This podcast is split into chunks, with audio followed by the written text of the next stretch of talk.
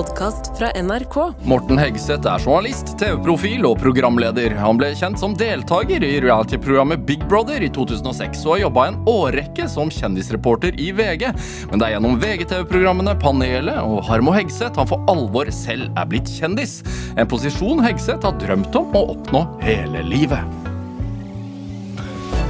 Dette er Drivkraft med Vegard Larsen i NRK P2. Morten Hegseth, velkommen til Drivkraft. Takk, veldig hyggelig å være her. Hvordan har du det? Det har det veldig bra. Jeg tenkte på det nå når du sa Eller jeg tenkte på mye av det du sa. Men jeg, eh, jeg pleier å gå ofte tur med hunden min, og da går vi ofte innom kirkegårder og sånn. Selv om jeg vet ikke om det er helt lov, men passer på at han ikke tisser på gravstøtte og sånn. Og det, jeg syns det er noe jeg syns det var noe fint med før i tida når folk ble begravd og de skrev sånn yrkestittelen over. Ja, Her tømmermester. Ja, her ville tømmermester Ola Hansen, og her hviler eh, resepsjonist Kari Tråmark. Jeg vet, min hadde blitt full eh, hvis man skulle på en måte Eller jeg bare hadde lurt på hvilket ord man hadde brukt hvis man skulle ha sagt ett. Ja, Hva du håpet på?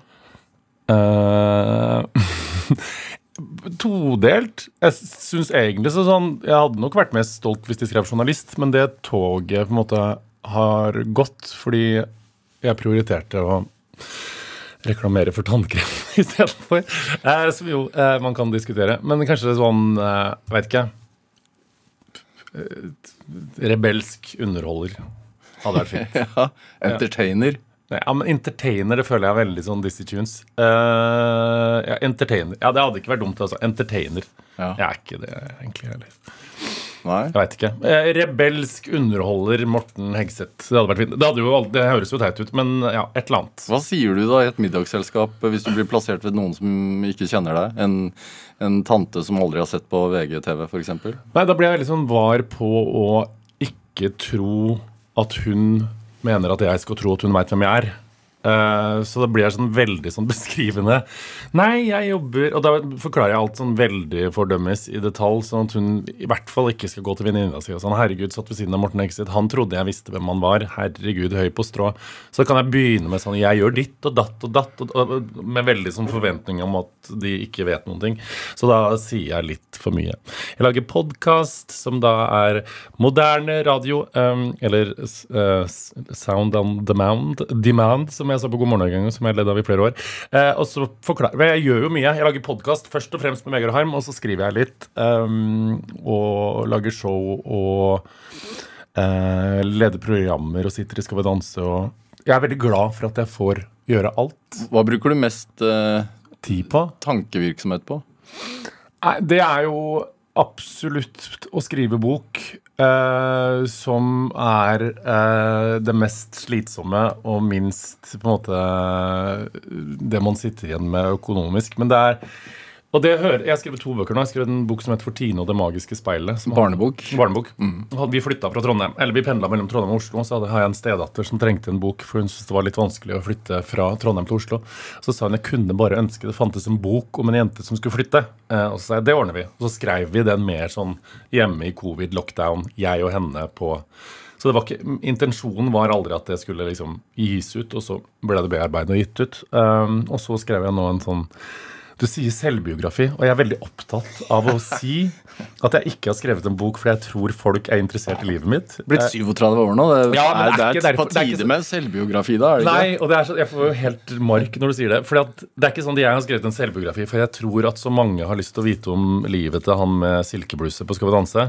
Jeg skrev, Grunnen til at jeg begynte å skrive, var fordi at jeg skulle skrive litt om ulike temaer. Og da begynte jeg å skrive litt om skytinga under pride, eh, Botox-debatten, feminisme, eh, homokamp.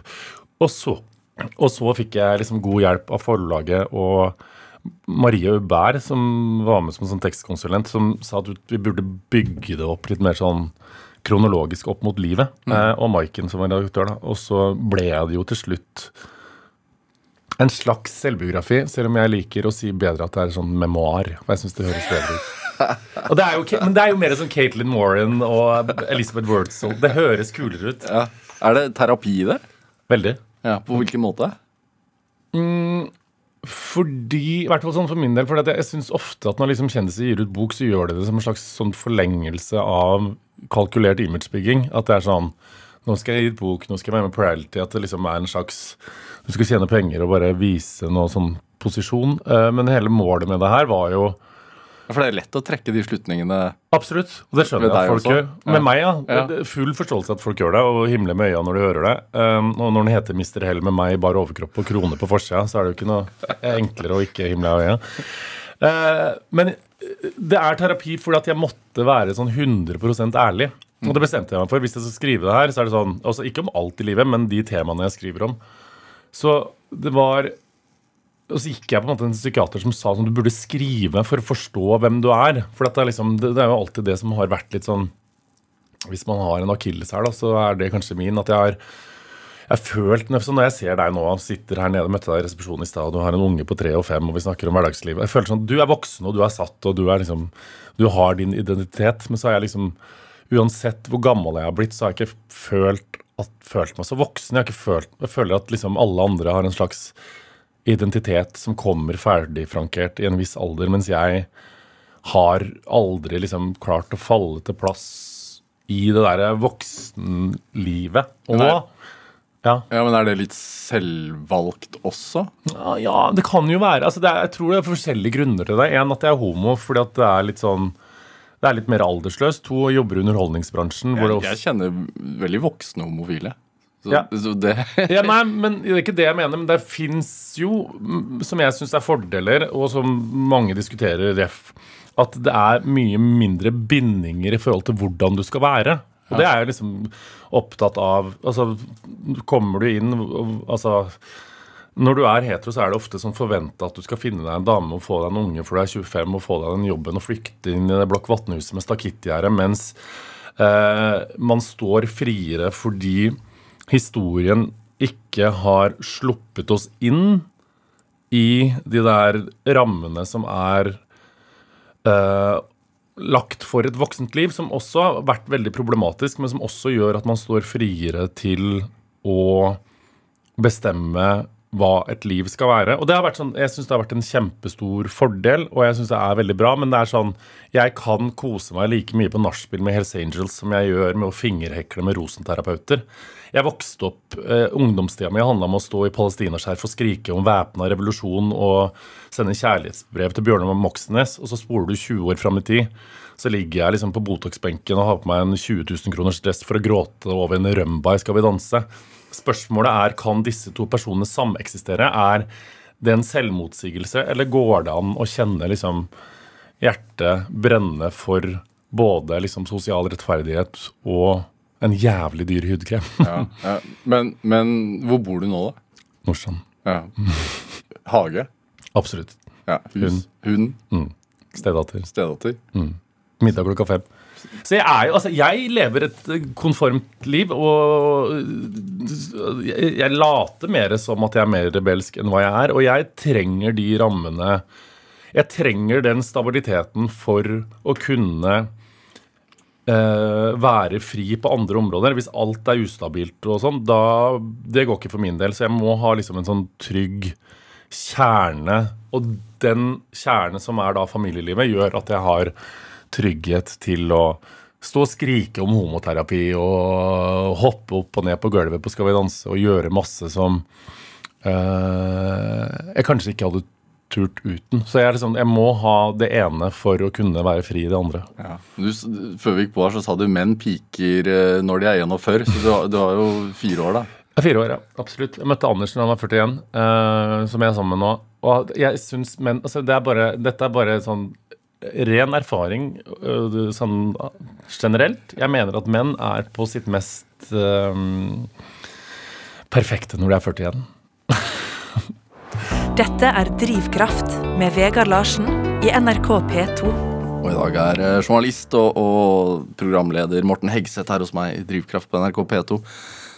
Det, altså jeg sa jo innledningsvis her eh, da vi startet denne praten, at uh, du uh, for alvor er blitt kjendis uh, etter disse VGTV-programmene. Um, og så sa jeg at dette er en posisjon du har drømt om hele livet. Det, det når du da oppnår den posisjonen Fordi du kan definere deg som kjendis nå.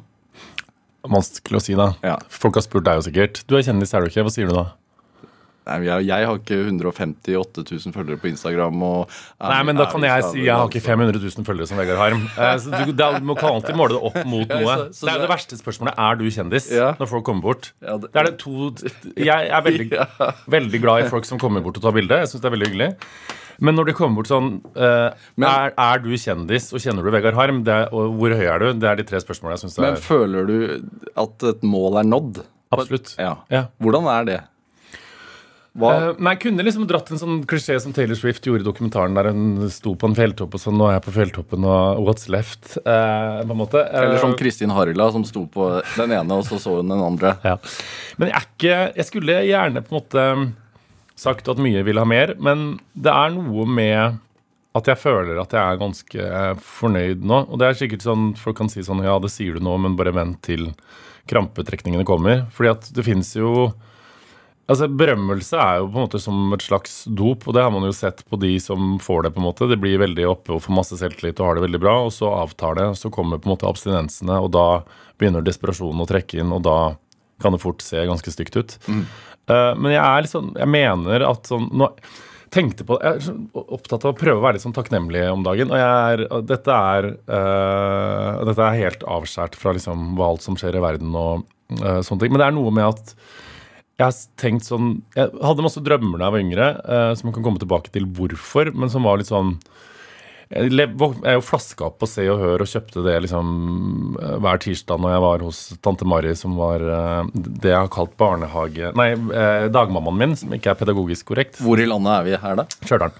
Um, og da, det, Se og Hør la liksom sånn grunnlaget for noen sånne ambisjoner. Jeg brukte det litt som sånn eskapisme mot sju grader og slaps og sokker som skreine i Sherrox. At det var noe glamour over det. Men så var det også alltid en sånn Å, fy faen, det der livet der vil jeg inn i å være en del av. Men Se og Hør på slutten av 80-tallet, hva skrev de om da? Eh, Da skrev mye Wenche Myhre. Eh, Odne Sønderhold var jo da jeg skjønte jeg var homo. Jeg så han, han var i en sånn rød skøytedrakt i Vikingskipet.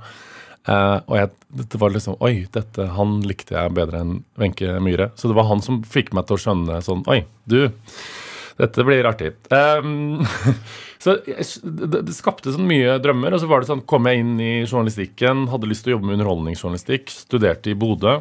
Um, hvor de var veldig opptatt og Jeg har ofte sagt at jeg hata å bo i Bodø, og jeg har litt sånn dårlig samvittighet for det. For jeg tror jeg, jeg var 19 år og var mest sånn trøblete, så jeg tror jeg la mye av sånn indre demoner over på byen. Men der var de veldig opptatt av at journalistikk handla om noe annet enn om å altså, analysere Beyoncé, som Dagbladet Fredag og sånn, som var et sånn ungdomsmagasin i Dag, eh, Dagbladet som jeg liksom så veldig opp til. Og de ville at jeg skulle skrive om slitte busskur og hvorfor de ikke fikk eh, penger fra kommunen. Og det, ah, det syns jeg var veldig kjedelig. Så kom jeg inn i underholdningsjournalistikken, og nå har jeg liksom Jeg sitter, skal på dansejuryen, jeg får lede Love Iron, jeg får podkaster med Vegard, jeg turnerer, eh, jeg har leda hundeprogrammer, jeg har vunnet gullrute Altså det er sånn, dette er sånn, det høres, hører at dette høres veldig selvopptatt ut, men det er derfor jeg er invitert hit. Og jeg er veldig sånn Det er ikke noe annet som jeg på en måte har drømt om. Og det er sånn akkurat Og jeg føler at sånn Jeg er veldig fornøyd, og jeg skal ikke være han som står og skraper på døra og sier 'slipp meg inn' til i evig tid. Så det er sånn, jeg skal jeg jobbe hardt og jobbe for å få flere jobber, men det er ikke krise nå om eh, de største tilbudene ikke kommer etter hvert. For jeg er veldig sånn fornøyd med det jeg har fått gjøre. Hva, hvorfor eh, et behov for å være takknemlig, plutselig? Kanskje det har med alderen å gjøre, og at det er veldig usjarmerende å ikke eh, være fornøyd med noen ting.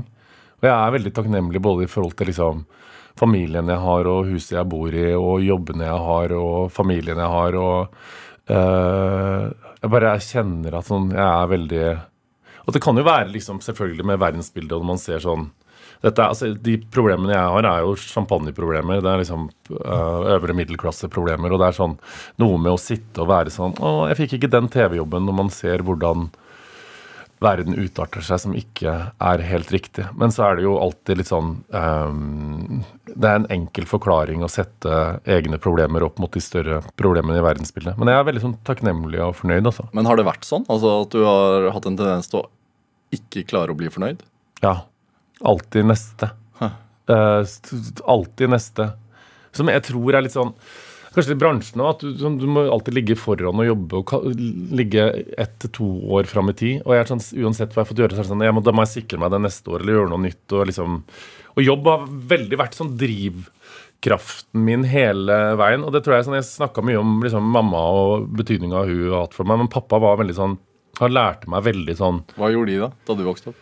Mamma var uh, allrounder, som jeg pleier å si i lokalavisa på Stjernens Blad. Hun jobb, satt i resepsjonen og tok imot, men hun fiksa alt og liksom, sørga for at det ble avis. Eh, og Så journalistbransjen er i, i ja, morfar jobba der, og mormor og Hun var ikke journalist, da, men hun tipsa mye. Um, hun, var, hun er jo sånn som meg nysgjerrig. Uh, så hun tipsa, og da kunne hun altså, tipse om alt fra liksom lokale tragedier til liksom egne barns prestasjoner. Det var veldig sånn I starten når jeg jobba, så ringte ofte Sørens Blad og hadde fått tips om at jeg skulle stupe med Alexandra Joner fra timeteren eh, i TV 2-program og sånn. For da jobba hun. Hun var jo god mamager. da. Ja, Så moren din tipsa lokalavisa? Ja, absolutt. ja, ja, ja. Um, Så der er det en god Men pappa lærte meg veldig sånn eh, Verdien i å jobbe og stå på og prestere. At liksom det var viktig. Og det var sånn Pappa det er kanskje ikke helt pedagogisk i dag, men jeg fikk sånn Husker ikke hva det var, jeg, om det var 200 kroner for hver femmer på vitnemålet og 500 kroner for hver sekser, eller 500 kroner og 1000.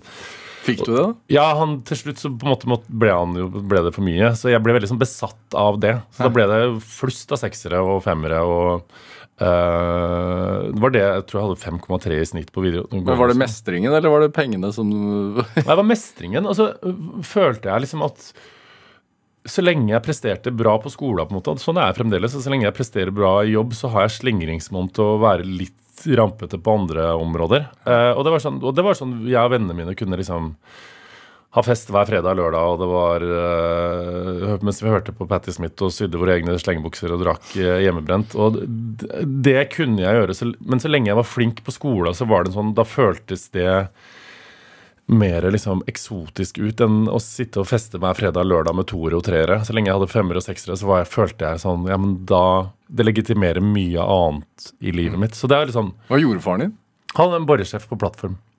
Så det tidvis uh, borte Tidvis borte, ja. Så det var to uker av Nei, to uker på uh, plattformen, og så tror jeg det var sånn tre eller fire uker tilbake, og så var han litt sånn borte på sånn lengre prosjekter der Var det Kina eller noe sånt? Jeg husker ikke. Så han var mm, ganske mye borte. Men høydepunktet var han kom hjem, i hvert fall som barn. Så kom han, Jeg vet ikke om du husker flykoffert? Som var sånn liten eske med salt ufo og eh, hobbysjokolade og seigmenn og sånn. Det var alltid høydepunktet. Så kom han hjem fra det. Så han jobba på plattform eh, fram til Så han var liksom Ja, han jobba mye. Så det, han var nok den som liksom skjønte at sånn, nå må du jobbe på, fordi det er viktig. Ja. Hva, hva, hva slags plass er Stjørdal? Stjørdal er Det ble kåra til Norges styggeste by av Dagbladet i 2001, tror jeg. Uh, uh, for så vidt. Det er et veldig fint sted. Jeg pleier å tulle med at det liksom sen, sentrumskjerna ser Altså, det ser helt krise ut på baksida. Hvis du kjører liksom Hvor mange bor der? Er det åh, nå er jeg farlig, er det 20 eller 40 000? Da? 40, kanskje? Um, kanskje det er 20. 40. Uh, og det er liksom sånn lite sted. Det er Senterpartiet som ofte driver der. Det er liksom uh, Det er veldig koselig. Og det er sånn, det har jeg sagt før at det er ikke mange journalister som har spurt meg opp igjennom med litt sånn medynk i blikket. sånn, ja, men Hvordan var det for deg å vokse opp på et lite sted som Stjørdal? Blunk, blunk, du er homo. Og da føler jeg nesten litt sånn dårlig samvittighet når jeg sier som det var ikke noe problem.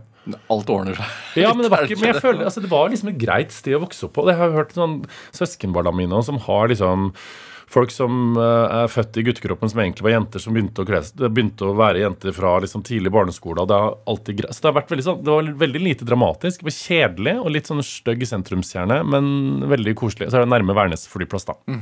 Det har vært veldig irritert for at det heter Trondheim lufthavn Værnes, for det ligger jo på Stjørdal. Um, så det er liksom, ja, det er et lite sted. Og så ligger det ved siden av noe som heter For Hell, uh, som da er grunnen til boka, for at det var som heter Mr. Hell, uh, fordi Mona Gruth vant Miss Universe, og så var det en lokal kåring på Hell-senteret. Eh, som jeg fram til jeg begynte å gjøre research på boka her, trodde var en skjønnhetskonkurranse for barn. Det var karneval. Uh, som jeg da vant og ble Mr. Hell sammen med mm, en annen dame. Ja. Hvor uh, toneangivende var det, tror du? tror det var ganske toneangivende. Det er liksom grunnen til at boka heter det. Fordi at det var jo Altså, dette var 1990. Mona Gruth vant Miss Universe. eh, og dette var jo på en måte en tid før vi skjønte at vi ikke skulle måle en kvinnes verdi opp i ansiktssymmetri og midjemål og uh, hvor vakker hun var. Ja. Så det å vinne Miss Universe var litt sånn Har det endret seg? Føler det? altså, jeg føler jeg endra seg litt. Eh, og, det- og det å vinne Miss Universe var sånn du hadde, Jeg følte i hvert fall da at du hadde liksom presidenten Gud og Miss Universe, og hun var fra Stjørdal. Og da var det en sånn 'kom hun tilbake', det var lokal kåring. Mamma og tante var liksom rekruttert som Glam Squad, så de sminka og pynta meg.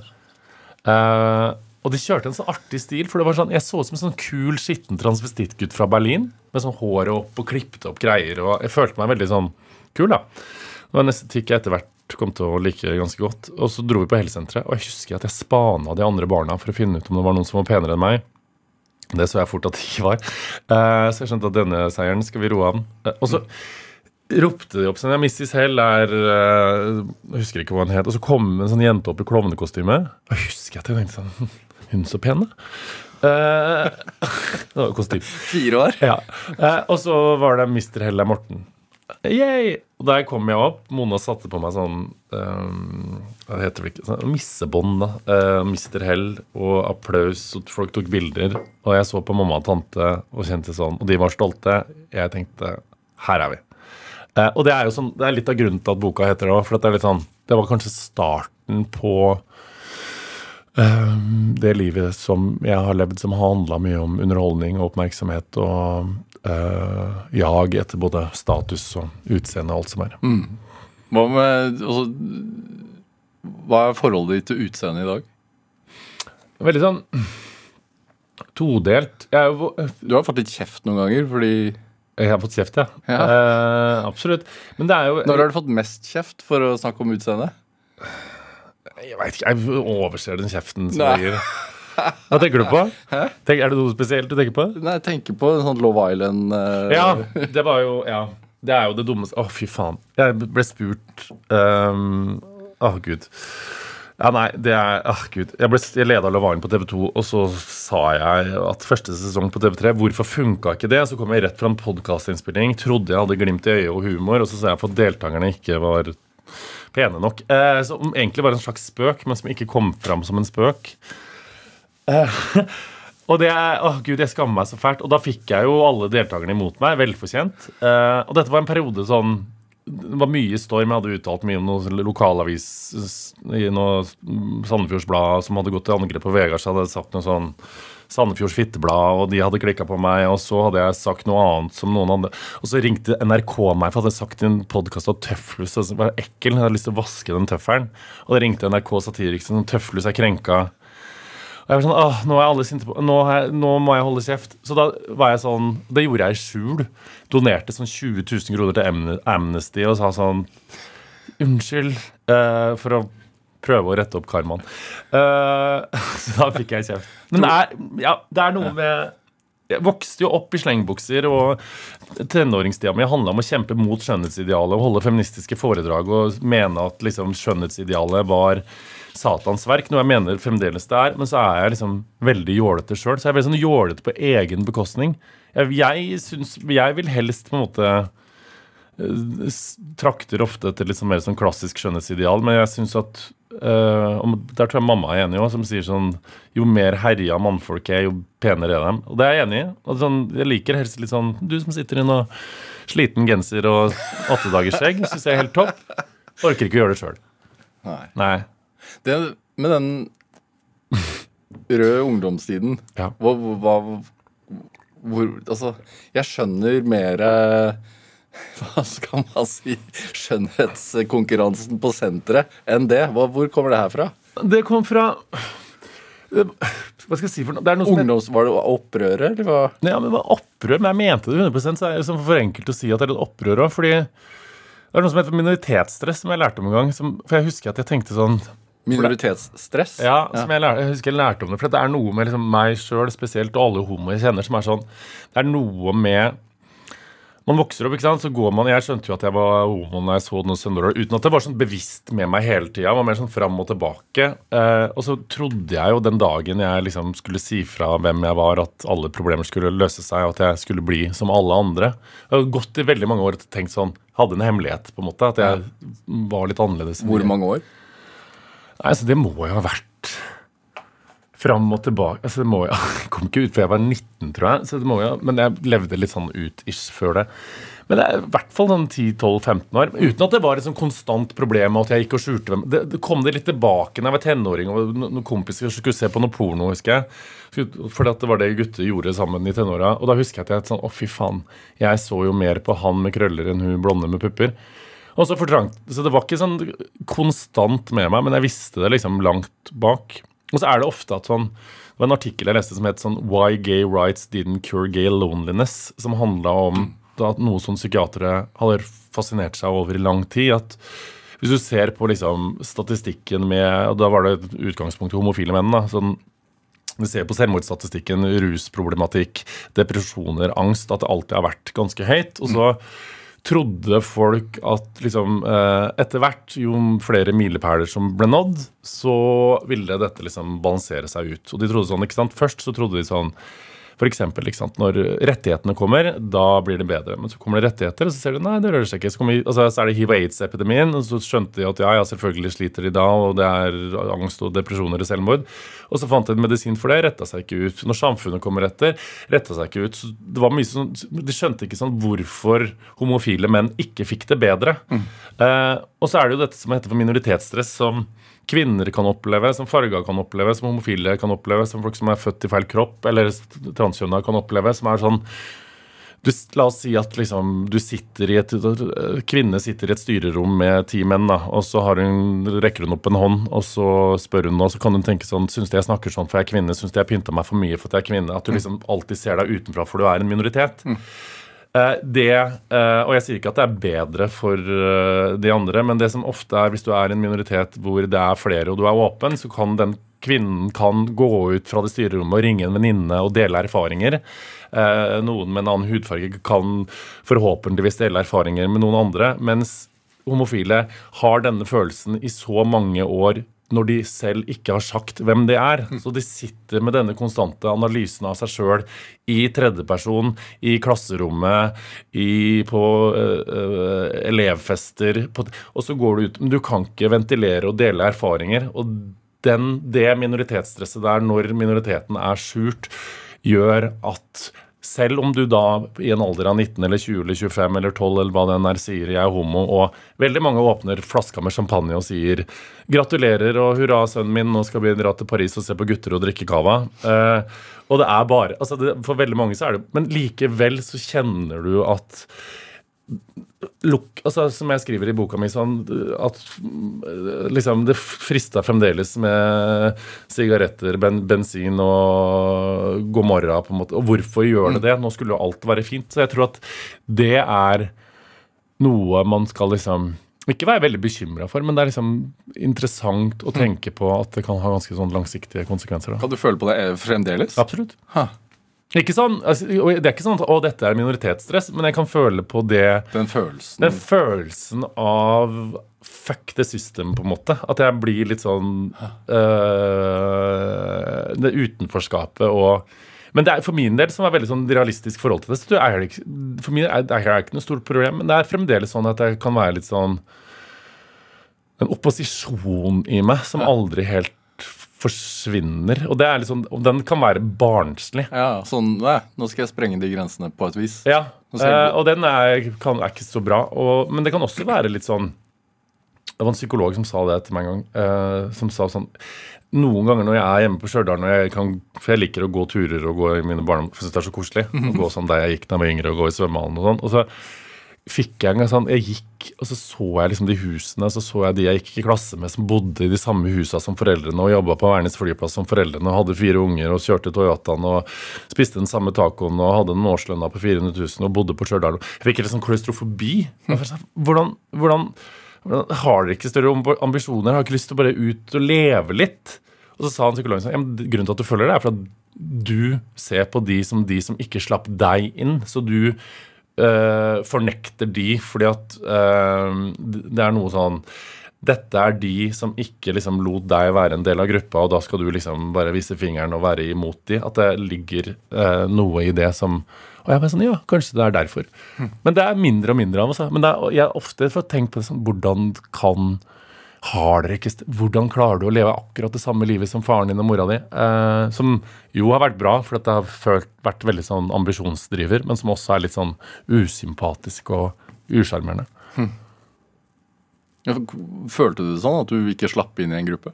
Ja, men det tror jeg Jeg skal ikke Jeg Og det, og det er sånn jeg er veldig imot å liksom velte meg i offerrollen som en indrefilet, en smørsprengt steikepanne. på en måte, At eh, 'Å, jeg var et offer, og det er vanskelig for meg å være homo'. Jeg hadde det veldig greit, jeg. Um, og jeg skal ikke bruke offerrollen for å få liksom noe mer oppmerksomhet. Men jeg følte jo det, fordi Kun når du er storkjefta i media. så er det sånn det er, Ja, men jeg, men jeg liksom var på å ikke bruke offerkortet, for jeg er ikke noe offer for noen ting. Og det, det var nok kanskje like mye i mitt hode at jeg følte at jeg ikke fikk innpass. Jeg hadde heller ikke så stor interesse av det. Og det er jo sånn som jeg sa til mamma og pappa når liksom, de leste boka, for jeg skriver i boka at sånn eh, Jeg hata konseptet med å være barn. Jeg elska barndommen min. Eh, men jeg hata konseptet med å være For det er så ufritt. Fordi at sånn, ja, skal du tegne Ja, sitter du der fire år Ja, da skal skyene være blå, og gresset skal være grønt, og sola skal være gul, på en måte. Jeg hadde lyst på lilla gress og sorte skyer og eh, blå sol. At liksom man ikke fikk bestemme sjøl. At det var noen som hadde liksom makten over å bestemme alt hva du skulle gjøre, når du skulle stå opp, når du skulle på skolen. Jeg lengta etter den, den frihetstrangen. har alltid vært veldig sånn dominerende i mitt liv. Og trygghetstrangen, så det er jo slitsomt. da Så jeg har lyst til å lulles inn i teppet og kose med hunden min og få servert pasta av mannen min samtidig som jeg har lyst til å herje fritt. Jeg sa det i, det var i eh, korona, så tvang jeg Anders til å gå i parterapi. For jeg hata korona. Altså da, det er jo motsatt av frihet. Så jeg ble jo på en måte et monster. Men nå skal vi parterapi, for jeg orker ah, Fy faen, jeg hata den mangelen på friheten. Så sa jeg til parterapeuten, og så sa jeg Men hva vil du, da? sa hun. Så jeg veit ikke. På en ene side så vil jeg liksom få tre unger med Anders nå. På den andre sida har jeg lyst til å gjøre det slutt og flytte på gata i Berlin iført tangatruse og bli helt gæren. Og så sa hun sånn Jeg tror ikke du skal ha barn eller flytte på gata i Berlin i tangatruse. Men det representerte den der behovet for trygghet og frihet ganske konkret. Morten Eggeseth, vi skal spille litt musikk. Ja. Du har med en uh, Bellen Sebastian-låt. 'Get Me Away From Here, I'm Dying'. Hvorfor det? Fordi jeg, Vi hørte veldig mye på Bellen Sebastian i ungdommen. Uh, og jeg elsker Bellen Sebastian. Det er ingenting som liksom gjør meg gladere. Og, det jo- og jeg elsker liksom mørk tekst til lystig musikk. Det er derfor jeg hører ofte på Lilly Erlend og Veronica Maggio og sånne ting. Men det er når folk Refrenget på Get Me, Get Me Away From Here I'm Dying er liksom kjernen i ubekymra ungdomstid hvor man sitter på en fest og hele livet ligger foran deg som upløyd mark. Og det er sånn Når jeg spiller den i bilen, da er jeg ikke vanskelig.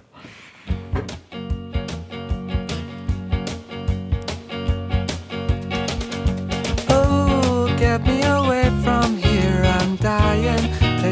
song to set me free. Nobody writes them like they used to, so it may as well be me. Here on my own now after hours. Here on my own now on a bus. Think of it this way, you could either be successful or be us. Without winning smiles and hugs, without catchy tunes or words. Now we're photogenic, you know. We don't stand a chance.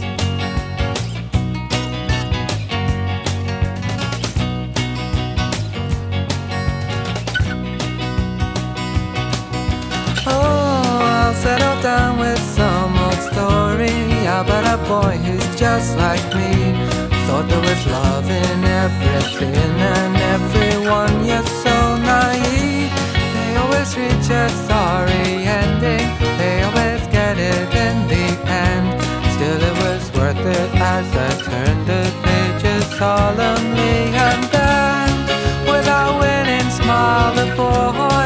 naivety succeeds. At the final moment, I cried. I always cry at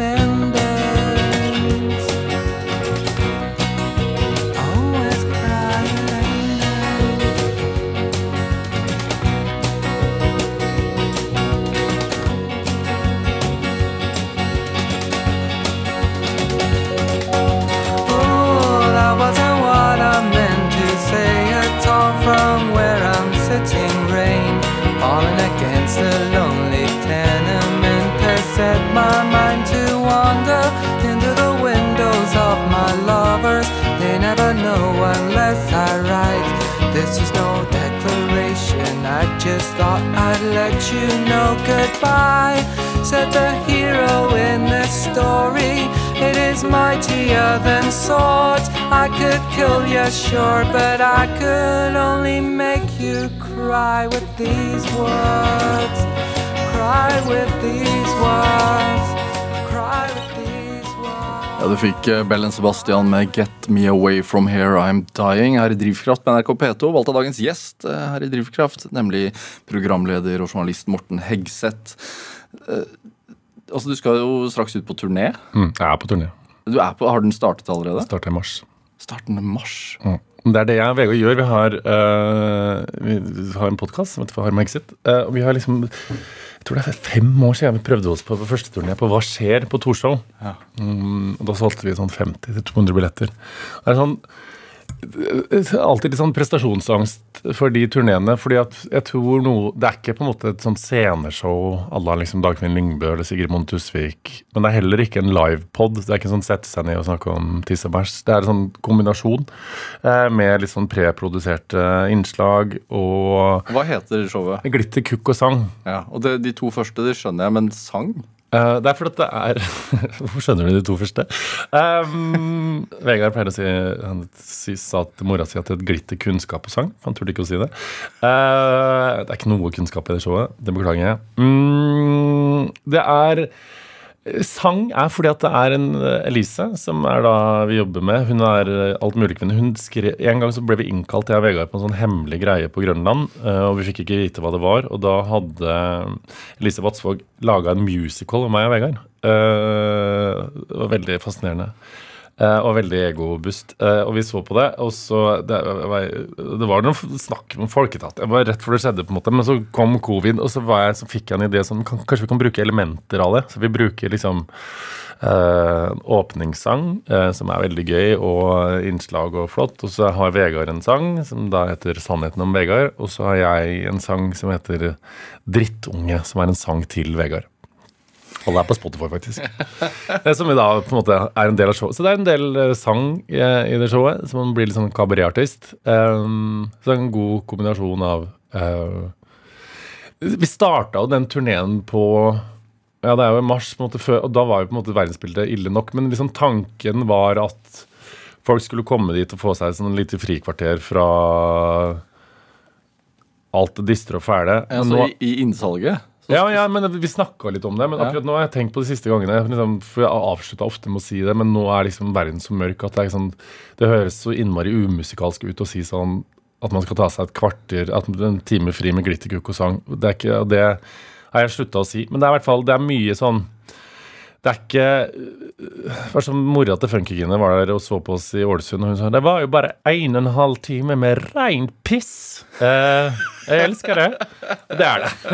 Det er en og en halv time med rent piss, eh, men det er gøy, da. Ja, men ja, fordi det står jo i innsalget når et krigsherja land blir lagt i ruiner, er det fint å se på bloggernes renserutiner, står det. det er jo på en måte helt uavhengig av det som skjer akkurat nå, og kan kobles eh, opp mot det. Og det er jo en del av eh, sangteksten. Eh, det er jo ironisk eh, at bloggere og influensere ofte liksom eh, fordekker verden med foundation og ringlights. Og så er det Så det er mer et stikk til bloggeverden enn til eh, en realistisk eh, analyse av hvordan man kan ja, få, få det bedre. Det er mer eh, samfunnskritikk enn det er reelt. Men, men man, treng, altså, det er, altså, man trenger jo en pause, eh, selv om man Ja, man ikke si- trenger pause, men samtidig nå er jeg litt sånn Man trenger også Jeg syns folk nesten tar seg for mye pauser. Man trenger også å følge med. Folk er litt sånn Nei, jeg følger ikke med, det blir for mye for meg. Men jeg føler at du er sånn pliktig til å følge med nå. Det er ikke, du kan ikke stenge verden ut og eh, fokusere på burpees og uh, lavkalorimat. For er liksom, du, du er liksom forplikta som borger til å vite hva som skjer i verden. Jeg skal ikke si at du er forplikta til å ta stilling, men du må vite litt og engasjere deg litt. For det er noe med sånn Det er noe så usympatisk med det. Jeg merka det under skytinga under pride. eh, I fjor så var det jo Og da var jeg mye rundt og snakka om angrepet på London med som var helt forferdelig.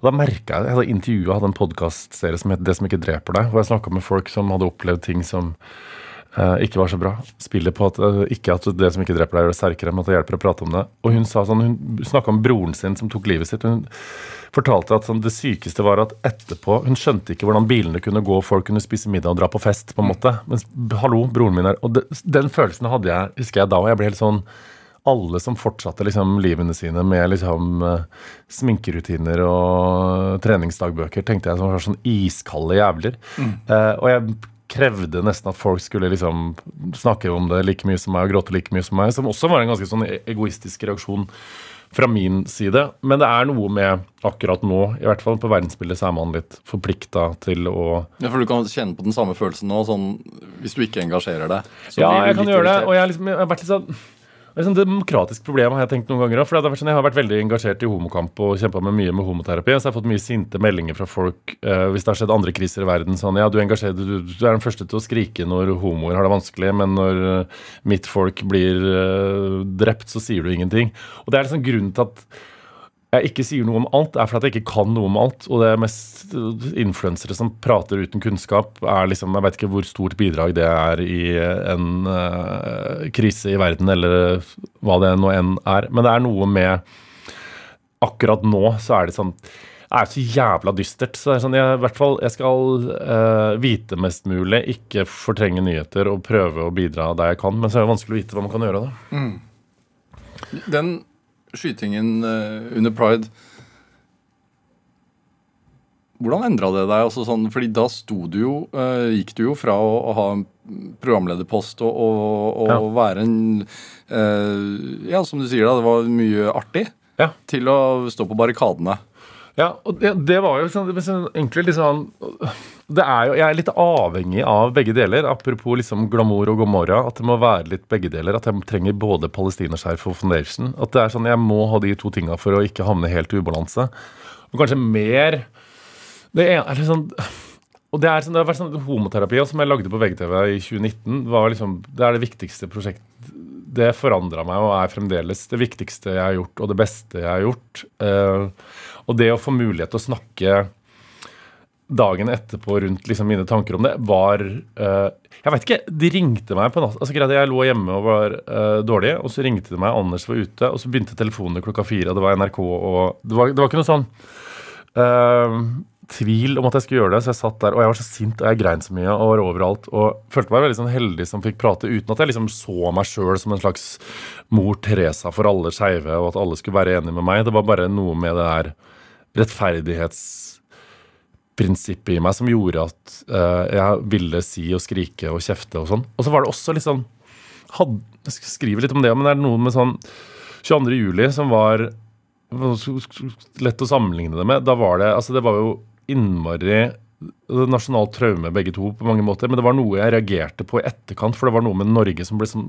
eksemplifisert som sånn Herregud, se hvordan de reagerer etter noe sånt har skjedd, og vi går i rosetog og nynner til popstjerner barføtt i domkirka, som var veldig fint, men jeg tror at den kollektive reaksjonen på liksom, vi skal vise kjærlighet til hatet, og gjorde at de som ikke klarte å gå i rosetog og nynne til Barna Regnbuen, følte seg feil. At de var sånn Ja, men jeg altså, Jeg tenkte sånn Har du lyst til å gå i rosetog før liksom blodet har størkna på svabergene? Det er ikke naturligvis at alle har gjort det. Og jeg snakka med noen om òg som følte at sånn Som mista søstera si. Som var sånn Hun følte seg liksom som et kaldt menneske som ikke følte den takknemligheten og kjærligheten Norge viste et kvarter etterpå. Som er beundringsverdig, men jeg var litt sånn opptatt av at det var mulighet den dagen til å liksom rive ut blomsterbed og hyle og skrike og drikke og være liksom Det var ikke noe feil måte å sørge på. Selv om Ja. Så det var eh, det var, ja, det var Men så tenker jeg sånn man gjør, Jeg jo satt jo der og sa liksom det handler kun om kjærlighet.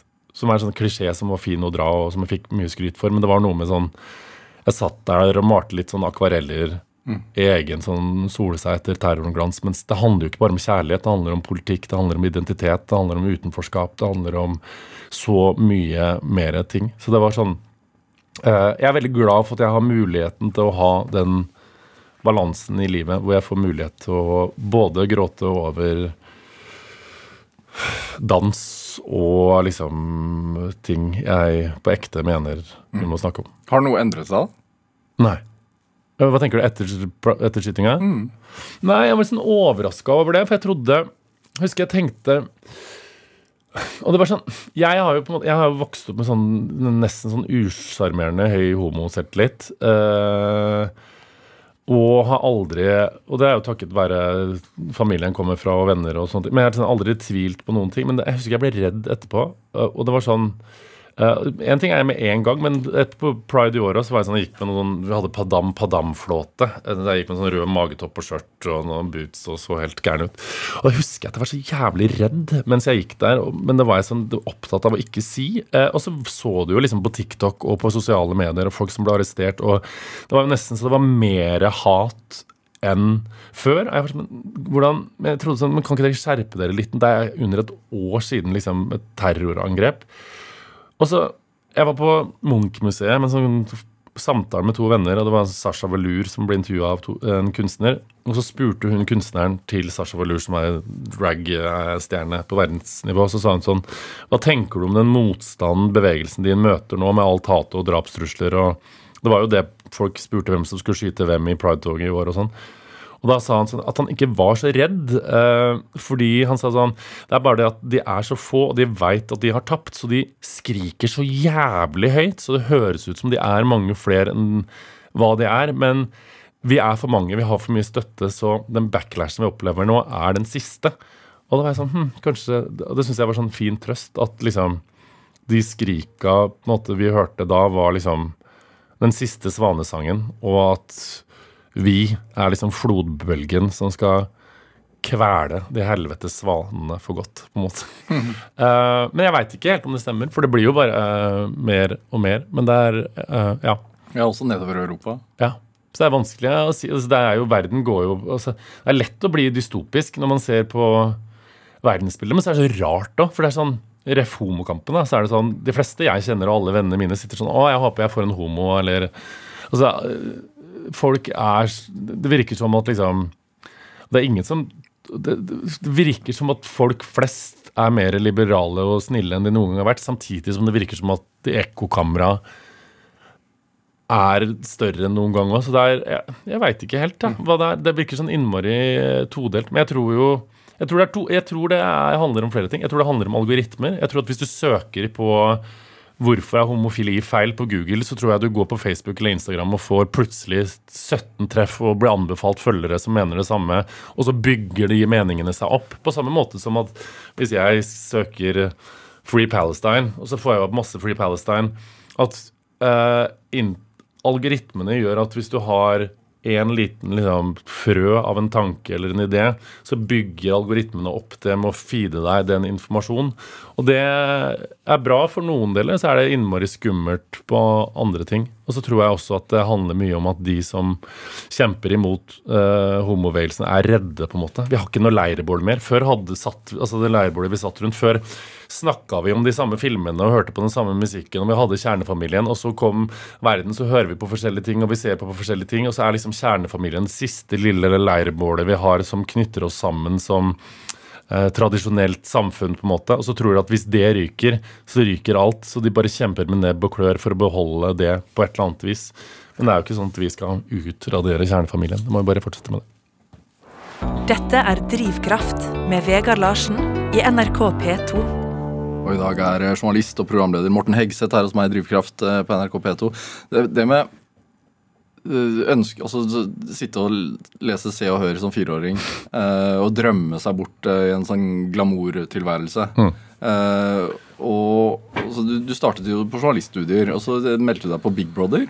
Ja. eh, og var med der i to uker eller noe sånt. to uker. Eh, og så ble du kjendisreporter i VG, og var en ganske god kjendisreporter. Eh, I hvert fall hvis man skal Jævlig god, faktisk. ja, hvis man skal tenke at Nye Håvard Melnes sa det, som jo ikke er nødvendigvis et kjempekompliment. hva er en god kjendisreporter? En som har forsider. Altså jeg var jo, når jeg starta i VG i 2007, var jeg 19, og da sa de hvis dere får én forside i løpet av sommeren, da er dere gode. Jeg hadde 22.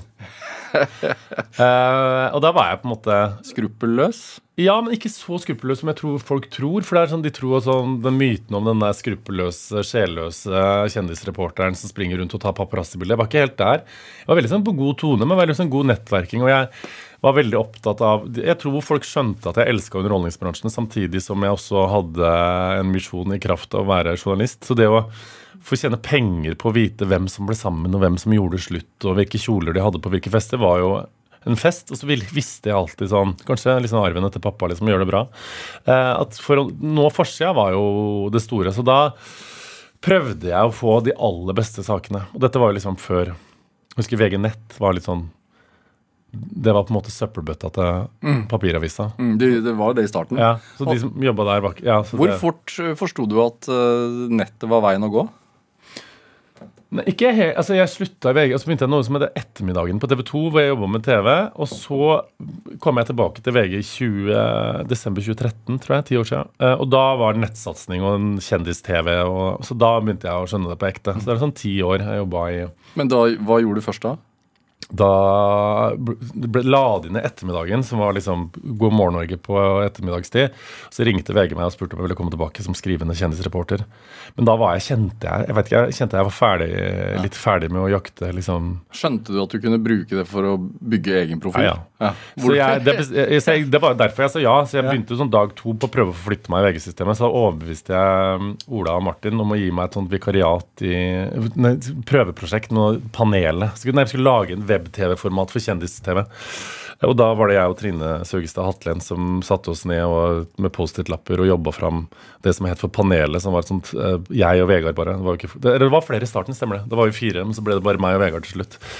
Eh, der vi satt og snakka om ukas kjendisnyheter og vi viste klipp og var frekke og fæle. Um, og så ble det funka det veldig bra.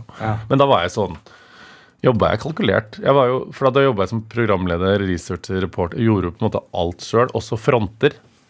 altså den som Fronta sakene. Den som bestemmer hva som Ja, skal altså, på alltid VG. sånn, Nå skal jeg liksom bygge meg opp, på en måte, så jeg ville liksom bli programleder. Så da la jeg alltid sånn, lagde front, visste hva som funka.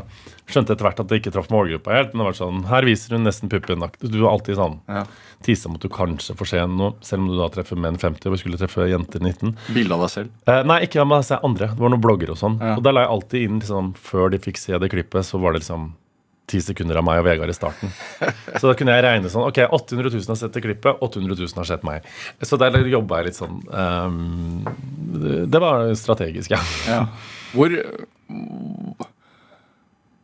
Og hvordan funker det etter det? Altså, hva er det eh, strategisk sett? Hvor, hvor, hvor strategisk har du vært i forhold til hva du Veldig. Ja. Eh, og det er jeg sånn opptatt av å si at liksom, det er noen som har veldig talent, og så er det andre som ikke har det, og de må jobbe hardere. Uh, og det er sånn, Man kan fort si sånn nei, nei, men du har talent, og det er jo urettferdig. Men det er ikke sånn er det i alle yrker at folk, noen er flinkere fra naturens side, andre er ikke Men du kan komme på samme nivå, det bare krever innmari mye mer jobb.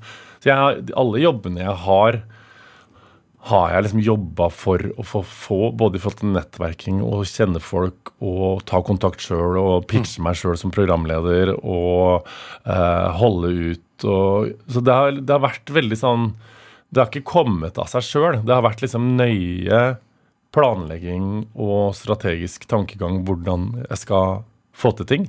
Eh, noe jeg liksom som man kan tenke sånn, ja det er jo litt usjarmerende, men det har jo funka. Så det er liksom, men det er sånn, og det er sånn opp, jeg tror folk Er det liksom, sånn ureddhet, da? Og, og, Ja, absolutt. Ja. Som jeg har hatt med meg hjemmefra, tror jeg. Og så er det sånn ureddheten handler om at man er jo veldig sånn, Den underholdningsbransjen er veldig sånn Ja, det er ikke så viktig, det er ganske gøy, og derfor kan du ta litt sjanser òg. Jeg synes sånn de motbørene jeg har hatt, og det har jeg hatt mange av, liksom falt tilbake og sånn. og Det har vært sånn, det har vært dritvanskelig å stå i, men det er jo ingenting man lærer mer. Og det er sånn, jeg syns liksom unge skal være litt modigere og ta litt flere sjanser. Og ja, det kan fucke seg opp, liksom, men da må du bare rette det opp. Og ikke liksom være så opptatt av å være flink, for det er liksom Gud, er en klisjé, men det er liksom i motbakke det går oppover. og man må bare tørre å være litt mer, og ikke være så opptatt av fast jobb og uh, unger og sånn med en gang. Bare vær litt rockestjerne, og så til slutt så løser det seg. Til slutt så får du Jeg får ikke fast jobb noen gang. Men, men så får, får du kanskje en egen ja, men det handler bare om å tørre å ta litt sjanser, da. Ikke være så opptatt av å liksom Man må liksom Ja, det har vært mye jobb, eh, og det har vært gøy, og det er det fremdeles òg. Er det lett for deg å si nei? Nei, jeg klarer ikke. Jeg jobber med det. Jeg er veldig dårlig på å si nei. Jeg jobber med det nå, og det er sånn det er eh, Nei, kan jeg ikke. Jeg har gjort mye rart. Hva er du redd skal skje da? Det går, at plutselig så tar det av, og så sa jeg nei til det, på en måte. Uh, jeg tror vi sa nei Dette Jeg tror vi ble spurt, jeg og Vegard, om uh, Eller i hvert fall hørte jeg det av management, om Maskorama-juryen. Det sa jeg nei til. Det var dumt. jeg fikk Skal vi danse etterpå, da. Morten Hegeseth, hva, hva driver deg i dag? Du har jo havnet i Se og Hør. Drømmen er uh... Jeg drømte jo om å bli Simon Andersen, eller Roy i De syv søstre, som var en homofil karakter som Simon Andersen spilte, som var i Se og Hør med Frode, nei, med kjæresten sin. Uh, det som driver meg i dag, er på en måte uh, mer ro og stabilitet, og prøve å få det fint. Uh, Klisjé å si det, men det er ikke sånn. Det, er, det driver, meg, driver meg å gjøre en god jobb, og så driver det meg å få et koselig og fint liv. Og så er det masse motbakke. Jeg har ikke funnet svaret. Men det er Jeg tror liksom nå er det liksom andre drivkrefter inn enn nødvendigvis at 800 000 skal se meg på VGTV. Um, nå handler det mer om å få gjøre ting jeg syns er interessant, og ha liksom mer ro. Morten Hegseth, takk for at du kom til Drivkraft. Takk for at jeg fikk være her. Lykke til med roen. Takk. Jeg har hund. så det det. Hør flere samtaler i Drivkraft på nrk.no eller i appen NRK Radio. Send oss ris eller ros og også tips til mennesker som du mener har drivkraft. Send en e-posten til drivkraft.krøllalfa.nrk.no. Vi hører veldig gjerne fra deg. Produsent og researcher i dag var Ådne Feiring. Dette var Drivkraft. Jeg heter Vega Larsen. Vi høres. Du har hørt en podkast fra NRK. Hør alle episodene kun i appen NRK Radio. En podkast fra NRK. Ja, politiet fikk eh, melding om en knivstikking ca. kvart over tolv i dag. En helt vanlig formiddag dukker det opp en psykotisk mann hjemme hos 24-åringen Heikki Palto på Majorstua i Oslo. Så det virker jo helt, helt tilfeldig at han da går og banker på der. Hør Drapsmann på døra i appen NRK Radio.